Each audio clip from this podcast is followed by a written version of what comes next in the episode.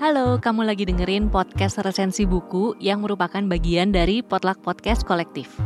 Di episode ini, kamu akan dengerin resensi buku dari teman-teman yang berpartisipasi di kompetisi podcast resensi buku 3. Kompetisi ini berkolaborasi dengan tujuh penerbit, yaitu Gramedia Pustaka Utama, Kepustakaan Populer Gramedia, Penerbit Haru, Buku Mojok, Penerbit Mizan, Bentang Pustaka, dan Gagas Media, dan juga berkolaborasi dengan Inti Megah Suara Indonesia.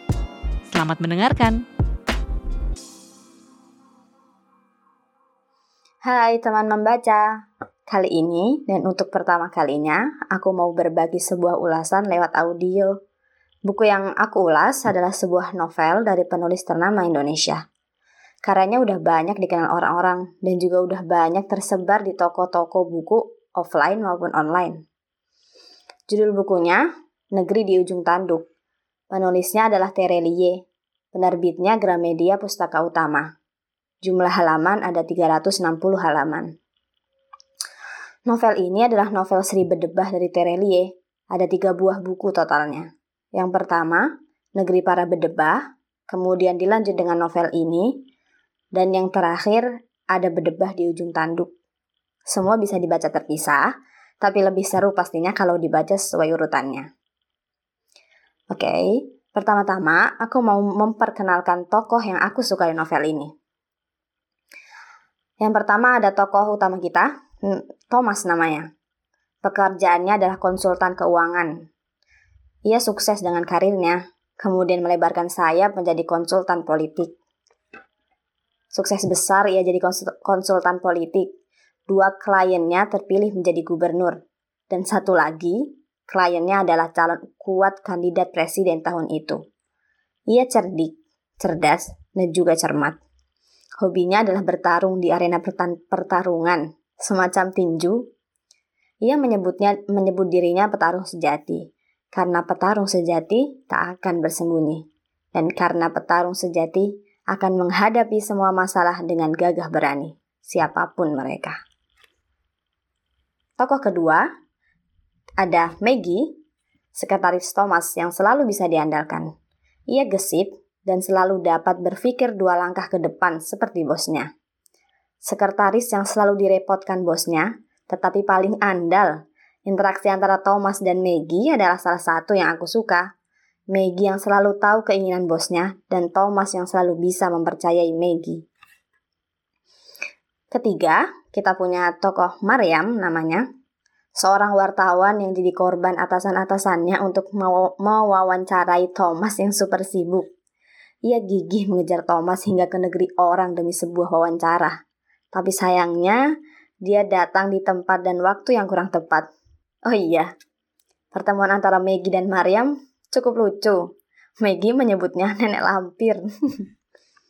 dan masih banyak lagi tokoh yang gak kalah keren dari Thomas.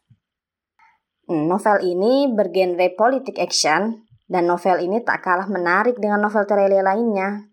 Membaca negeri di ujung tanduk adalah keseruan tersendiri. Adegan actionnya selalu dapat membuat pembaca ikut panik dan tegang. Tokoh utama Thomas yang digambarkan begitu apik dan cerdas. Kecermatan akalnya dan kecerdikannya membuatnya selalu bisa lolos dari kejaran mereka.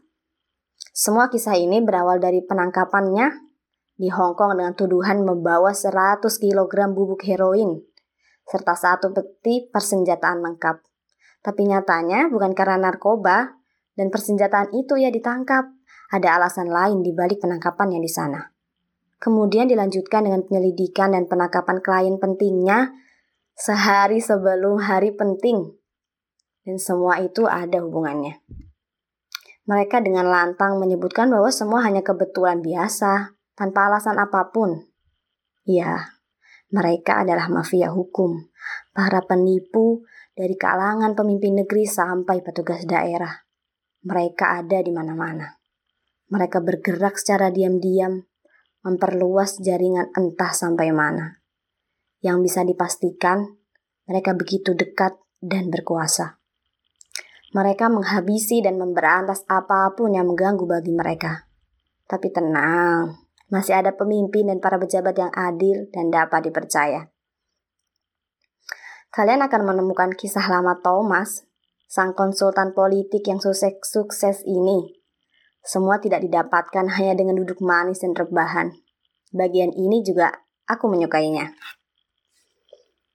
Hmm, sebenarnya penutup-penutupan novel ini kurang memuaskan karena masih ada yang belum digambarkan dengan jelas oleh penulis. Tapi novel ini aku rekomendasikan untuk kalian terlepas dari akhirnya. Dua kalimat yang aku suka dari buku ini. Kalimat pertama, penjelasan akan tiba pada waktu yang pas, tempat yang cocok, dan dari orang yang tepat. Kalimat kedua, jarak antara akhir yang baik dan yang buruk dari semua cerita hari ini hanya dipisahkan oleh sesuatu yang kecil saja, yaitu kepedulian. Oke, selamat membaca teman membaca.